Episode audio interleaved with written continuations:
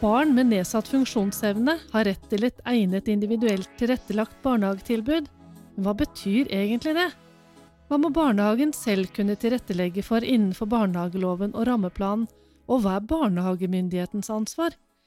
Kan vi trekke noen grenser for hva som er nedsatt funksjonsevne, og hva som ikke er det? Ja, dette er noen av de spørsmålene jeg håper at dagens gjester kan svare på.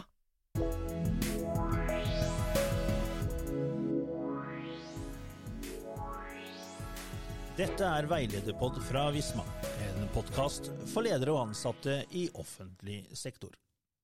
Vi som jobber med veilederen barnehage i Visma, vi har fått flere henvendelser fra små og store kommuner om at de opplever barnehagelovens paragraf 37 om barn med nedsatt funksjonsevne som litt uklar og utfordrende å forholde seg til. Og derfor tenkte Ingunn og jeg at dette kunne være et spennende tema å snakke litt om i dag. Og da er det greit å ha med seg gjester som har erfaring fra virksomhet Spesped førskole i Sarpsborg kommune. Mette Sundell og Camilla Vik, velkommen til oss. Tusen takk. Tusen takk.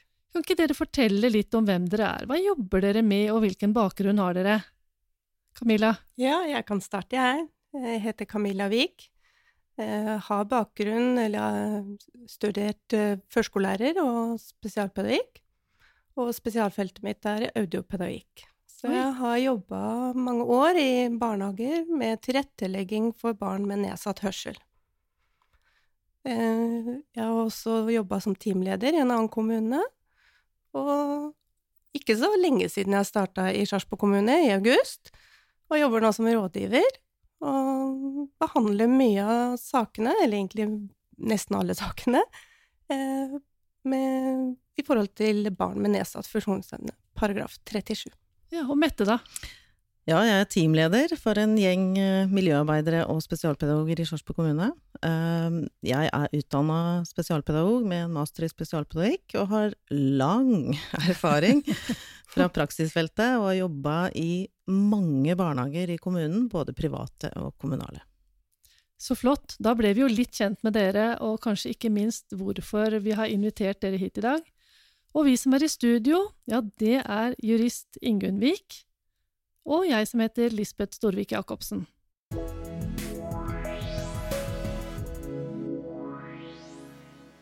Ingunn, mitt uh, allestedsnærværende juridiske alibi. Jeg tenkte at det var greit hei, hei, Lisbeth! jeg tenkte at det var greit at du som er jurist, faktisk kan begynne å si litt om bestemmelsen i barnehageloven, før vi tar for oss de mer praktiske problemstillingene rundt dette med tilrettelegging for barn med nedsatt funksjonsevne. Det kan jeg godt. Um, for det første så er det jo slik at uh, barn i Norge har rett til å gå i barnehage. Og barnehagelovens paragraf 37 sier at barn med nedsatt funksjonsevne, da skal eh, de har også rett til å gå i barnehagen, selvfølgelig, og kommunen skal da sikre at barn med nedsatt funksjonsevne får et egnet individuelt tilrettelagt barnehagetilbud. Eh, og målet med den tilrettelegginga er jo at de skal kunne dra nytte av barnehageplassen sin på samme måte som andre barn. Ja. ja. Eh, plikten eh, til tilrettelegging omfatter da ikke tiltak som innebærer en uforholdsmessig byrde for kommunen. Hva er uforholdsmessig byrde, da? Eh, det kan jo være mangt, men i utgangspunktet så er det vel at det er, blir uforholdsmessig dyrt. Men det man tenker på her i loven da, det er jo at barnet har rett til den tilretteleggingen som barnet trenger for å få et tilfredsstillende utbytte av barnehageplassen sin, men det er ikke sikkert at barnet kan få da tilrettelegging i den barnehagen som det går i, eller som foreldrene ønsker at det skal starte i.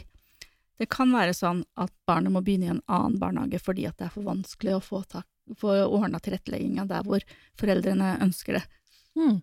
Men jeg lurer på, kan du si litt om skillet mellom hva er spesialpedagogisk hjelp, og hva er tilrettelegging? Ja, eh, spesialpedagogisk hjelp og tilrettelegging, det er jo eh, det er to forskjellige ting. Eh, og barn med nedsatt funksjonsevne, en del av de barna har rett til begge deler. Spesialpedagogisk hjelp etter barnehagelovens paragraf 31, det er jo hjelp som skal støtte barnet i utviklingen sin. Sånn barnet, målet der er jo at barnet skal være, bli bedre rusta til å starte på skolen. Eh, og i den vurderinga så tar man jo sikte på å se på barnets utvikling, læring, evner og forutsetninger. For eksempel om barnet utvikler seg seinere eller på andre måter enn det som er forventa. Ja. Ja, mens paragraf 37, der er jo målet at barnet skal kunne ta i bruk barnehageplassen sin og nyttiggjøre seg den på samme måte som andre barn. Og der er ikke målet å endre utviklingen til barnet på noe som helst måte, men man skal isteden da tilpasse omgivelsene til barnet, sånn at barnet får det ålreit i barnehagen og kan være med på aktiviteter og uh, ja, lek i barnehagen ja på samme var, måte som andre barn. det var en fin uh, presisering, altså at Ja. 37, da er det barnehageplassen som skal gjøres tilgjengelig for barnet. Mm. Og 31, da er det barnet som trenger en annen type hjelp i Ja. utviklingen. Og så er jo prosessene litt eh, ulike. Blant annet så må det være samtykke fra foreldrene for å fatte et vedtak om spesialpedagogisk hjelp. Det er det ikke krav om når det gjelder tilrettelegging av nedsatt funksjonsevne. Nei. Er det Og- noen som har noen kommentarer før vi Ja, og jeg tenker jo at eh, det som også er en vesentlig skille eh, med, med de to paragrafene, er at i paragraf 31, altså spesialpedagogisk hjelp, så er det en sakkyndig instans som skal vurdere behovet til barnet, altså en uavhengig eh, instans. I den sakkyndige vurderingen til PPT skal det også vurderes hvilke tiltak som skal gjøres innenfor det ordinære tilbudet. Eh, en sakkyndighet skal inneholde mål og målsettinger, og barnet skal på en måte eh, få en utvikling innenfor de rammene eh, som barnehagen har også. Men man ser da at barna har noen eh, vansker som man trenger ekstra, altså ekstra hjelp til. I paragraf 37 så er det i Sarpsborg vedtaksmyndighetene, altså vil si meg, jeg og Camilla, som gjør de vurderingene. Og vi syns nok at loven hjelper oss litt lite til å finne gode, altså både gode prosedyrer på hvordan dette skal gjøres, og det ligger heller ingen føringer i loven om hva som bør vurderes. Så den, den opplevelsen er vel kanskje derfor vi får en del henvendelser om dette her òg, da. At det, nettopp dette det er det som er vanskelig. Ja, det, det er særdeles vanskelig i noen tilfeller, eh, og i Sarpsborg kommune så har vi valgt at det skal være samtykke fra foreldrene, for det mener vi er svært viktig, fordi det er et enkeltvedtak. Riktig. Ja, men det syns jeg kanskje var en god gjennomgang av jussen, eh, Ingunn, og litt supplement fra deg, Mette. Supert. Og det var nyttig, tror jeg, å se disse bestemmelsene i sammenheng, i og med at en del barn har både rett til tilrettelegging og til spesialpedagogisk hjelp. Men dere, nå lar vi den paragraf 31 ligge, og så skal vi holde oss bare til dette med tilrettelegging, som jo er en utfordring videre.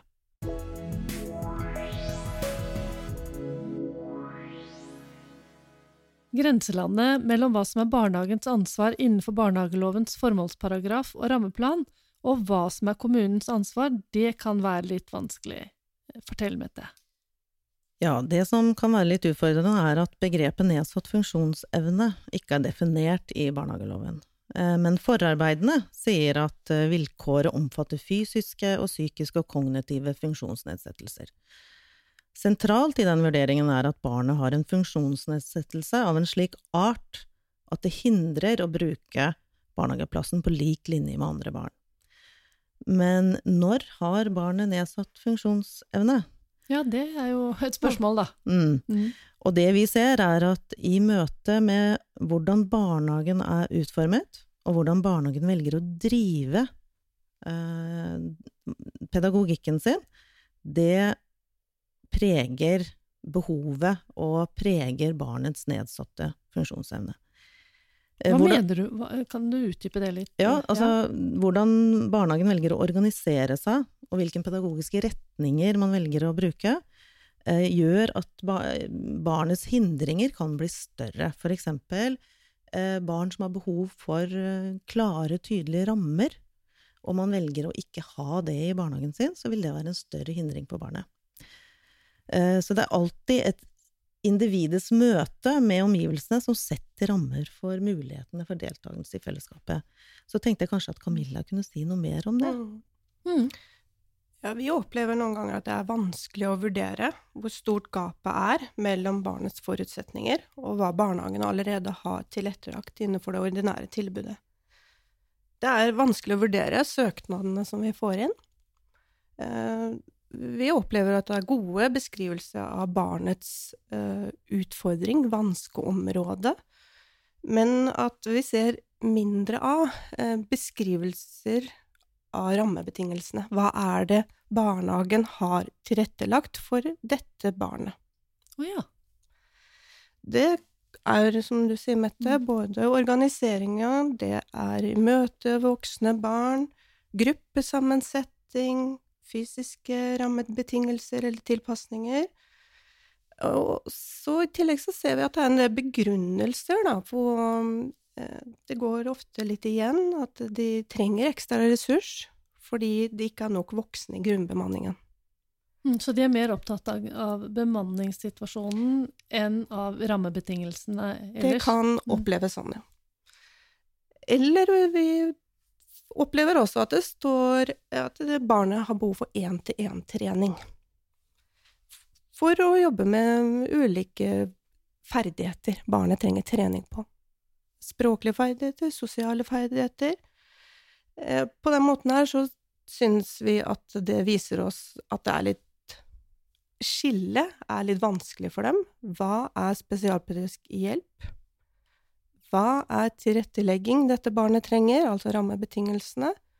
Og hva er kanskje en generell eh, styrkning av voksentettheten i grunnbemanningen? Ja, Det er flyter litt Mette. i hverandre. Ja, for det som også blir viktig å ta inn i en sånn uh, vurdering når vi skal gjøre det, er hva er normalen? Vi skal ha et ganske stort rom for hva som er uh, normalt. Og en uh, treåring kan være ganske stor forskjell i evnen på sosiale ferdigheter for én treåring til en annen treåring. Eh, når barnehagen opplever at det blir litt vanskelig, og barnet gjør litt annerledes enn det de er vant til, så, så er det ikke så, så syns de det er Ja, de syns det er vanskelig.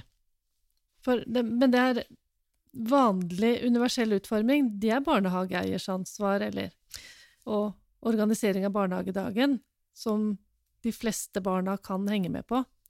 Ja, det er jo i rammeplan og i barnehageloven så er det jo ganske tydelig hva som er både formålet og, og hva, hvilken oppgaver eh, barnehagen har. Vi er nok ikke alltid enige, jeg og Camille, hva barnehagen eh, gjør, og hva de ser på som sitt mandat. Eh, vi har et stort hjerte for disse barnehagene, for det er vanskelig, og det er pressa på tid, og de strever. Men er dette barnet som skal ha den nedsatte funksjonsevnenstempelet for at vi syns det er litt vanskelig å organisere og gjøre det på en god måte i barnehagen vår? Ja, det er, det er jo litt av et spørsmål, egentlig, som du stiller der. Mm. Er det forskjell på private barnehager og kommunale barnehager i denne sammenhengen? I Sarpsborg kommune ser vi lite forskjell mellom private og kommunale barnehager.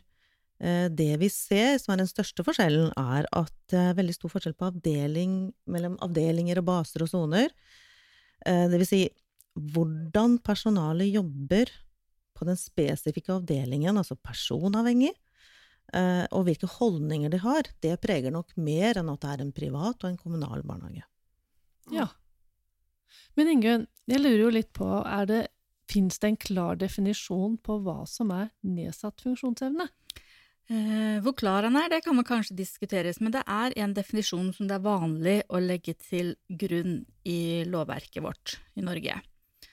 Eh, og den ligger, hvis man leser forarbeiden til barnehageloven, så er det også den som eh, de bruker der. Og den stammer fra en NOU i 2001, nummer 22. Og da sier de at en funksjonsnedsettelse, det er tap av, skade på eller avvik i en kroppsdel eller, en, eller i en av kroppens psykologiske, fysiologiske eller biologiske funksjoner. Og denne definisjonen den omfatter jo da blant annet nedsatt syn og hørsel, nedsatt bevegelsesfunksjon, hjerte- og lungesykdommer og diagnoser innenfor autismespekteret.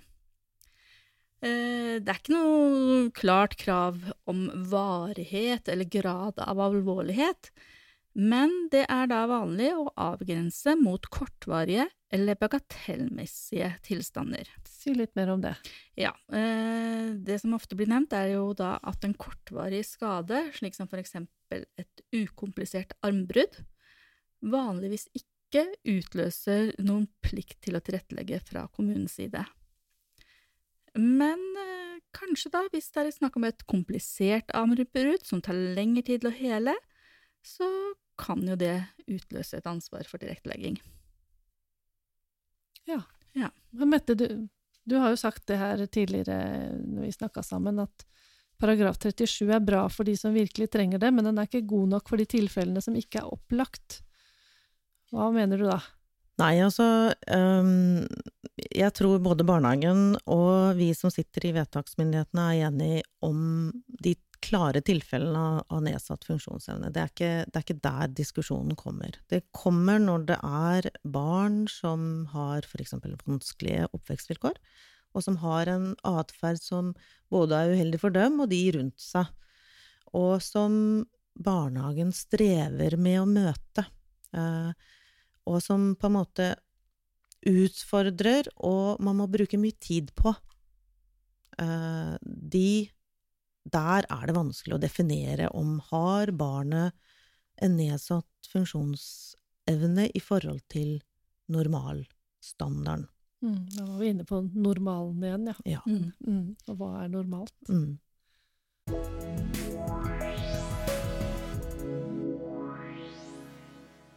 Dere to, Mette og Camilla, dere tilhører jo barnehagemyndigheten i Sarpsborg. Mm. Hvordan går dere fram når dere får en henvendelse enten fra barnehagen eller foreldrene om at det er behov for tilretteleggingsressurser til et barn i en kommunal eller en privat barnehage? Noen som vil si noe om prosessen om det? Ja, jeg kan starte, jeg. Flott. Eh, I Sarpsborg vil vi gjerne at styrer eller pedagogisk leder, virksomhetsleder, tar kontakt med oss før de sender en søknad om tilrettelegging. Vi vi ønsker gjerne å være med tidlig i prosessen, i vurderingsfasen, i undersøkelsen, da. Vi kommer ut i barnehagene, både jeg og Mette, og observerer barnet og det miljøet barnet er en del av. Ja, sånn at det gjør dere allerede før det kommer inn en søknad til dere. Det er det vi Mm. ønsker, eh, og vi ser at det begynner å bli kjent for barnehagen der ute, at det er en del av pros prosedyren vår. Mm. Eh, da er det jo foreldre som vet at vi kommer, så de, barnehagen har allerede innhenta et samtykke eh, før vi kommer ut. Ja, for det var spesielt hos dere i Sarpsborg, at dere krever samtykke der. Ja, det stemmer. Eh, Perspektivet vårt er systemet som barnet er en del av, og det er jo avdelingen barnet går på. Eh, Vi har samtale med pedagogisk leder, hvor vi får da den informasjonen om ja, den pedagogiske praksisen og det læringsmiljøet som det barnet er en del av. Eh, Vi er også opptatt av å få inn barnets stemme. eh, det som, med noen barn så ser vi at det er nyttig å foreta barnesamtale. Eh, Det er den som kjenner barnet best, som alltid gjør det best. Ja. Så det er jo pedagogisk leder som utfører det. Og det finnes veldig mange gode maler på spørsmål eh, som man kan bruke. Eh, Det viktigste er jo å få fram barnets trivsel. Hva tenker de om hvordan de har det i barnehagen? Hvordan vil de ha det? Ja, hva er det som ikke er greit? Ja. Eh, Sånn at all den vurderingen her, eller alt, alle de undersøkelsene, det gjør dere faktisk unna før søknaden fysisk kommer til dere? Ja, det er det vi håper på, da. mm, For eh, i det å komme ut og Mm. være der, eh, så får vi allerede en dialog med PED-leder, med assistenter og fagarbeidere. Og vi allerede på en måte kommer inn i det å se på organisering. Hvordan gjør de det? Er det noe dere kan skru litt på? For i et vedtak så vil det alltid være eh, forslag til endringer av hvordan man organiserer det i forhold til det barnets behov for tilrettelegging. Og det tenker jeg er eh, svært vesentlig også for de søknadene som kommer. For eh, Camilla, vi opplever litt eh, forskjellig kvalitet på Mm. søknadene. Mm. Mm. Ja, vi ønsker egentlig å være med i den vurderinga, da, sammen med dem. Vi ser at det er nyttig, enn at søknaden kommer inn, og at den er ufullstendig, eller den inneholder ikke nok, eller det vi trenger av dokumentasjon, da, for Nei. å vurdere. Riktig. Mm. For vi har en plikt til å få flest mulig opplysninger for å gjøre et godt, en god vurdering av nedsatt funksjonsevne. Og det er en uh, alvorlig uh, enkeltvedtak å få på seg, og det er litt uh, Jeg og Camilla tenker mye på det. Mm. Hva er det vi, hva er det vi driver med? Vi sitter med mye makt og kan påvirke framtida til en del barn. Ja, Silje, hva, hva tenker du på da? Nei, det er jo Jeg syns det er iallfall veldig viktig at barnehagen tar inn over seg at eh, man først må se på omgivelsene sine før man skrur på barnet, og ser at dette barnet må ha én-til-én eller må ha fotefølges. Eh, fordi ehm, dette er ting som følger dem resten av livet. Og det, er, det er alvorlig å tenke på at en 22-åring kan lese at eh, ja, når jeg var tre år, så, måtte, så syntes jeg jeg var så gæren at eh, jeg hadde nedsatt funksjonsevne. Noen har jo det fordi de har medfødte skader, eller, så det er naturlig og Mm. trenger det, men det vi opplever er jo at det er de barna som eh, strever sosialt, eller eh, som strever å finne seg til rette i miljøet de er i. De litt, som Mm. ligger litt i gråsonen, De som Mm. ligger i gråsonen. Er og de som kanskje er de som er vanskeligst for barnehagen å Det tenker jeg. mm. De som utfordrer holdninger, utfordrer at de er uoppdragne. De som er eh, litt vanskelige. Mm. Og når vi greier å Mm. komme inn eh, i, tidlig, så får vi allerede snakka med dem om det. Og vi, får Mm. også, vi har også samtaler med foreldrene i den prosessen. Mm. Så dere er en del i, tidlig i prosessen. Mm.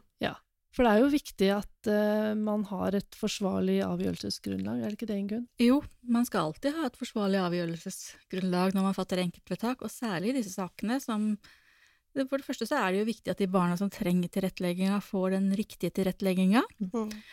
Og så er det jo sånn som du sier, at der, eh, hvis tilrettelegging Eller hvis behovet har andre årsaker, Mm. så er det jo ikke paragraf 37 som er riktig verktøy. Da må man jo løse de problemene på annen måte. Mm. Så det er veldig viktig at man har et forsvarlig avgjørelsesgrunnlag. Mm. det, I tillegg så Foreldrene kjenner jo ungen sin Mm. bra, de kan si noe. Mm. Barnehagen sier noe, dere observerer noe. Mm.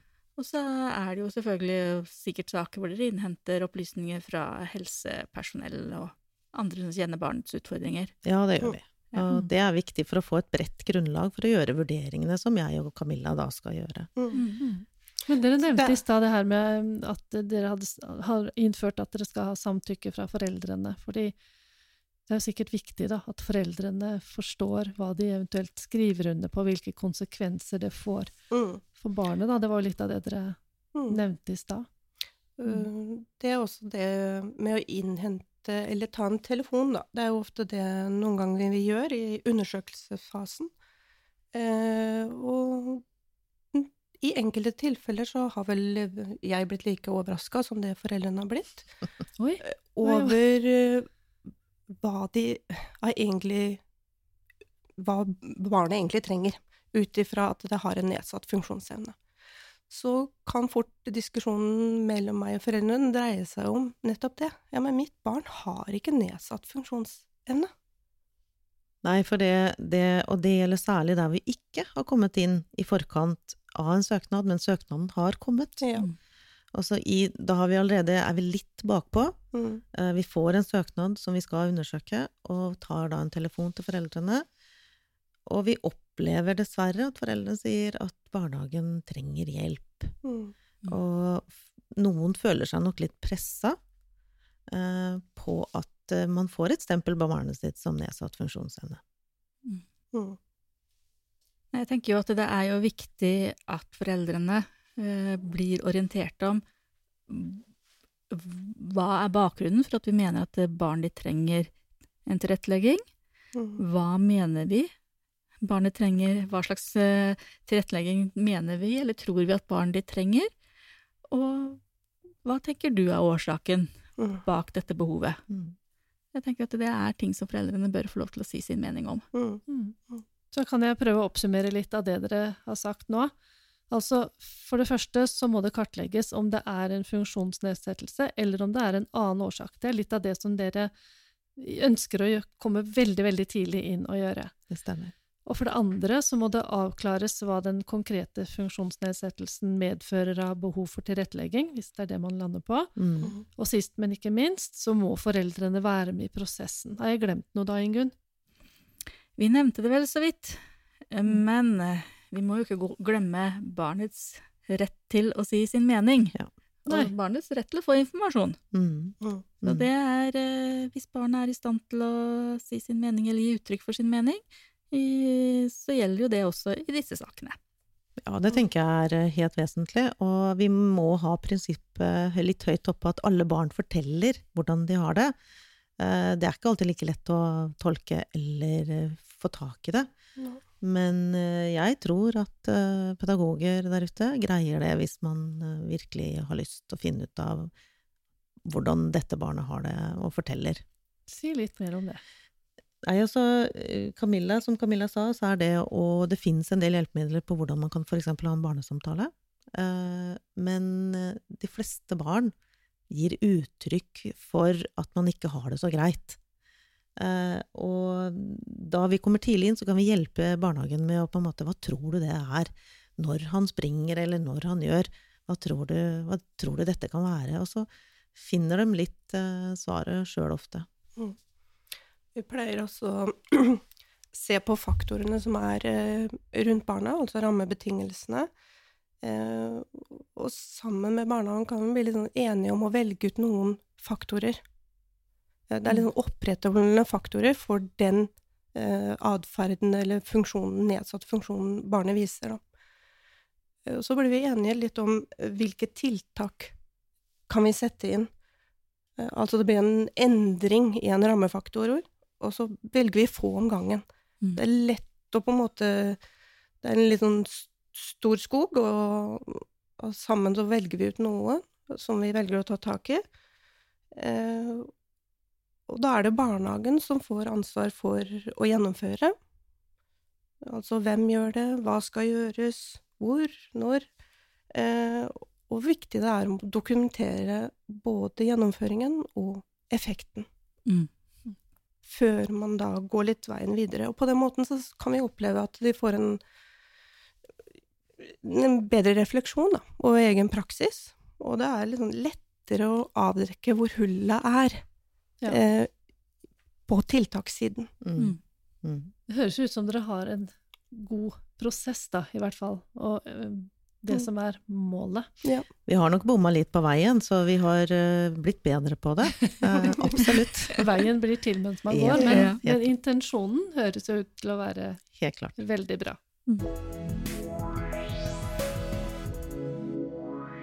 Camilla og Mette, dere er jo veldig mye ute i felten, det forsto vi på det vi snakka om litt før uh, pausen. At dere er mye ute i barnehagen, og dere behandler faktisk et stort antall saker hvert år. Hva er det dere opplever som mest utfordrende når det gjelder uh, paragraf 37 om tilrettelegging? Ja, jeg kan starte, Ja. og jeg tenker at det nesten må være de barna som viser da en utagerende atferd, som faktisk er et problem for barnet selv, for andre barn i gruppa og for voksne.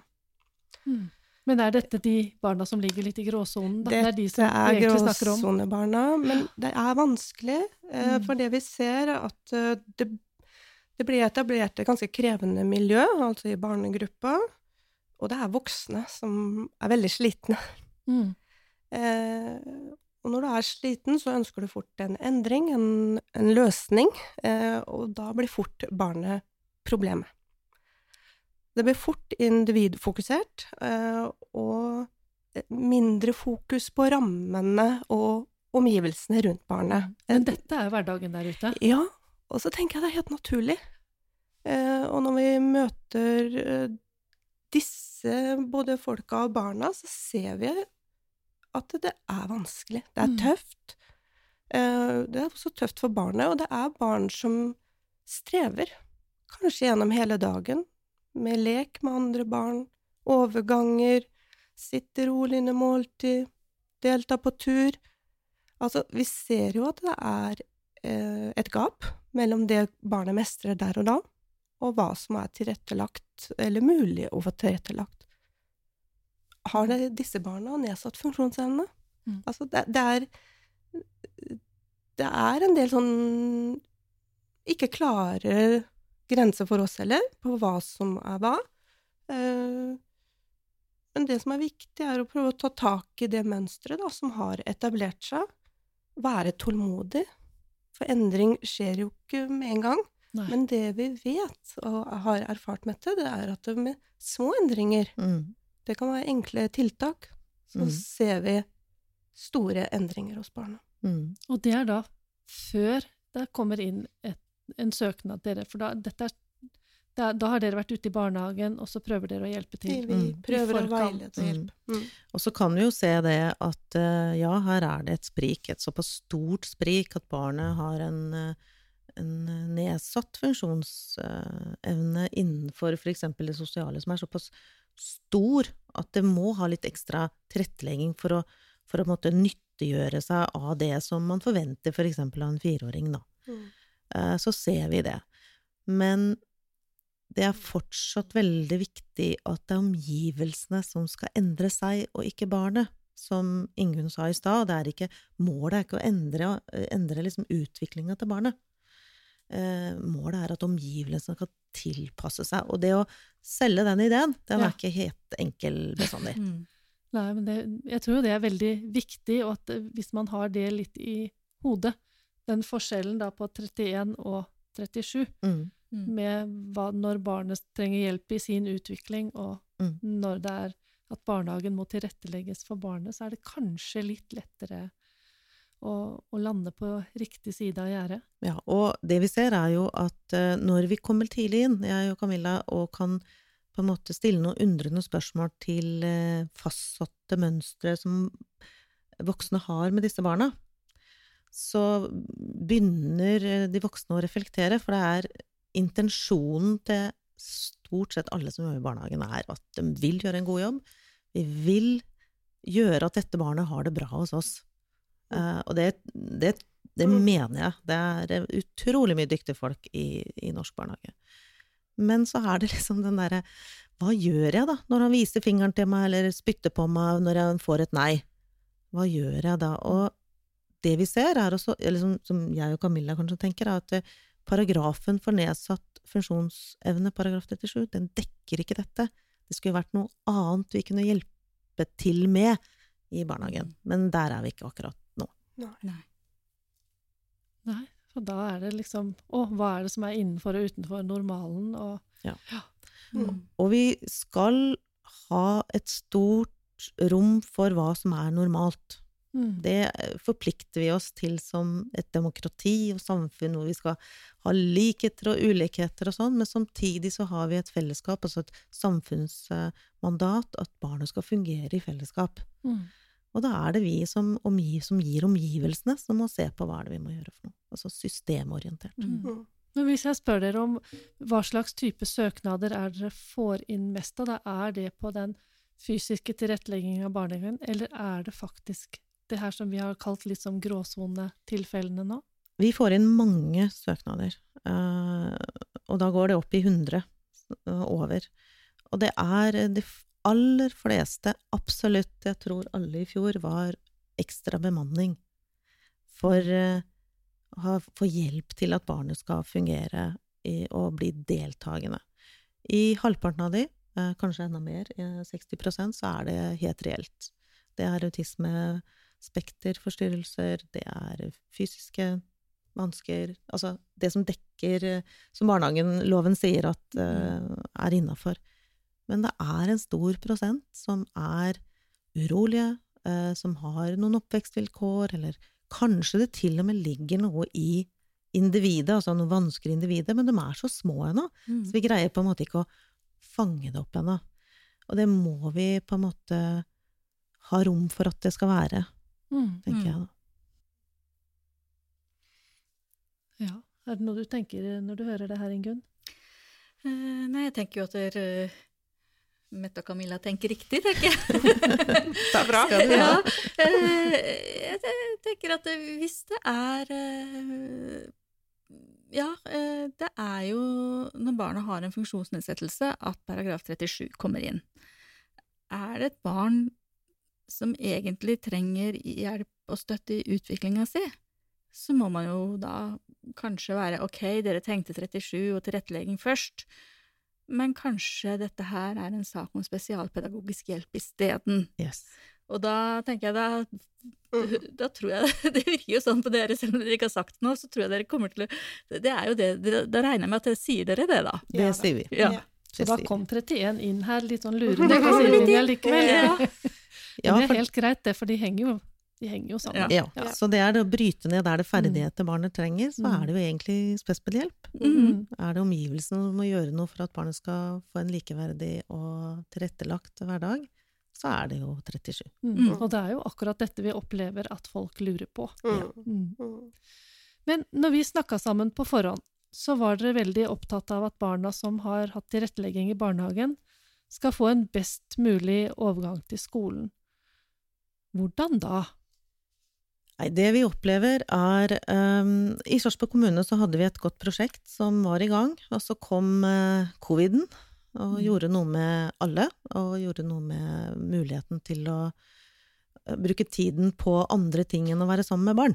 Uh, og da ser vi at det er stor variasjon i de skolene barnehagene møter, og hvor hvordan barnehagen oppfatter at skolene hører på dem om de bekymringene og de tilretteleggingene noen av disse barna trenger.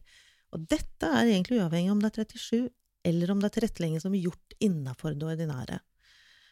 Og der ser vi at øhm, noen skoler er fortsatt der at vi skal begynne med blanke ark, og det mener jeg er totalt feil. Der har de gått i en barnehage i fem år, og vi har gode folk i barnehagen som kan fortelle hva, hva trenger dette barnet for å få en optimal læring, for å delta og ikke falle utenfor, som kanskje er den viktigste delen, særlig når man blir stor. Den burde man uh, ha mer fokus på i skolen. Mm. Nå har vi jo ikke noen fra skolen her som Nei. kan si noe om det, da. Men hva, sier, du- hva tenker du, Ingunn? Eh, Jeg tenker jo, her kommer jo jussen inn igjen, da, vet du. Ja, for både barnehageloven og opplæringsloven, eh, som da regulerer skolens virksomhet, den pålegger både barnehage og skole og SFO å samarbeide da sånn at eh, barnet skal få en god overgang fra barnehage til skole.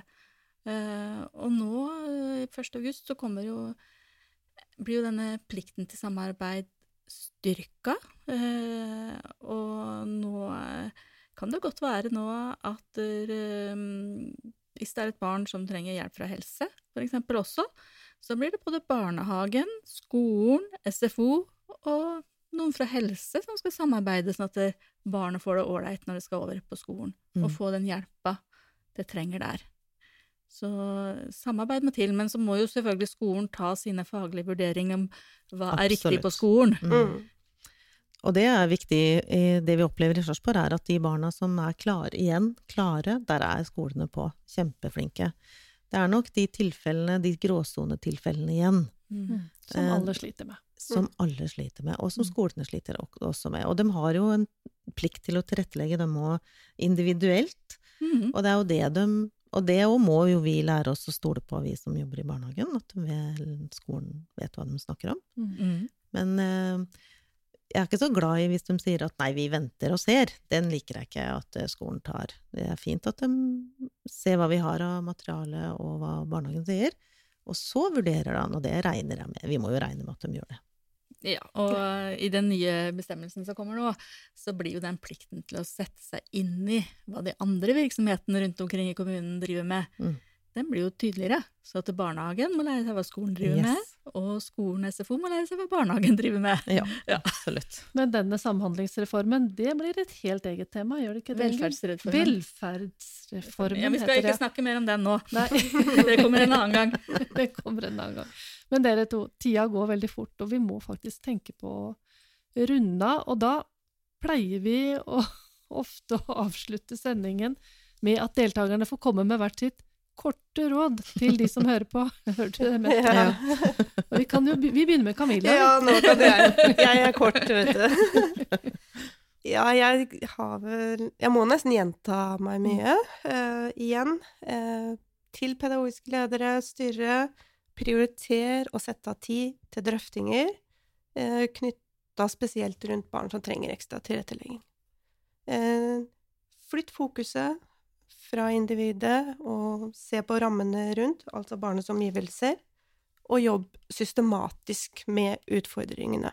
Prøv ut tiltak, og søk hjelp hvis du trenger det. Mm. Mette?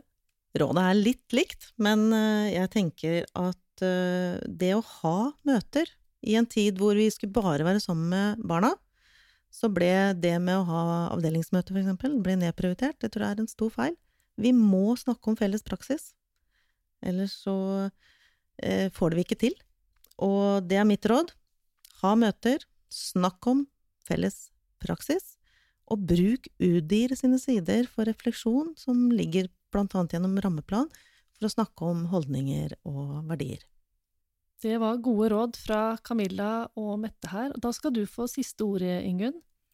Ja, og jeg eh, De har jo gitt- masse gode råd her nå, og jeg syns at der, det dere sa om involvering av foreldrene, det syns jeg var veldig godt sagt. Jeg tror at foreldrene har viktige opplysninger å komme med, og de har også viktig den retten de har til å si sin mening.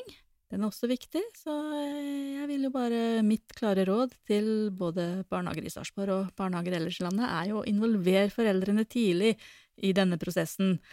Eh, De har rett til god informasjon, og hvis dere i barnehagen ikke klarer å svare på alle spørsmåla de måtte ha, så hjelp dem med å ta kontakt med de riktige personene i kommunen. Det var òg et veldig godt råd. Mm. Tusen takk, Mette og Camilla. Jeg syns det har vært kjempehyggelig å ha dere på besøk her. Takk for at vi fikk komme. Og nå har dere forhåpentligvis eh, sammen med Ingunn eh, gitt litt hjelp til dere der ute til å nøste i noen av disse spørsmålene rundt tilrettelegging for barn med nedsatt funksjonsevne. Og med det så sier vi takk for oss i studio i Fredrikstad i dag, vi. Dette er Veilederpod fra Visma, en podkast for ledere og ansatte i offentlig sektor. Og ansvarlig for denne sendingen har vært Ingunn Vik og Lisbeth Storvik Jacobsen. Produsent og teknisk ansvarlig Magnus Bjørneby.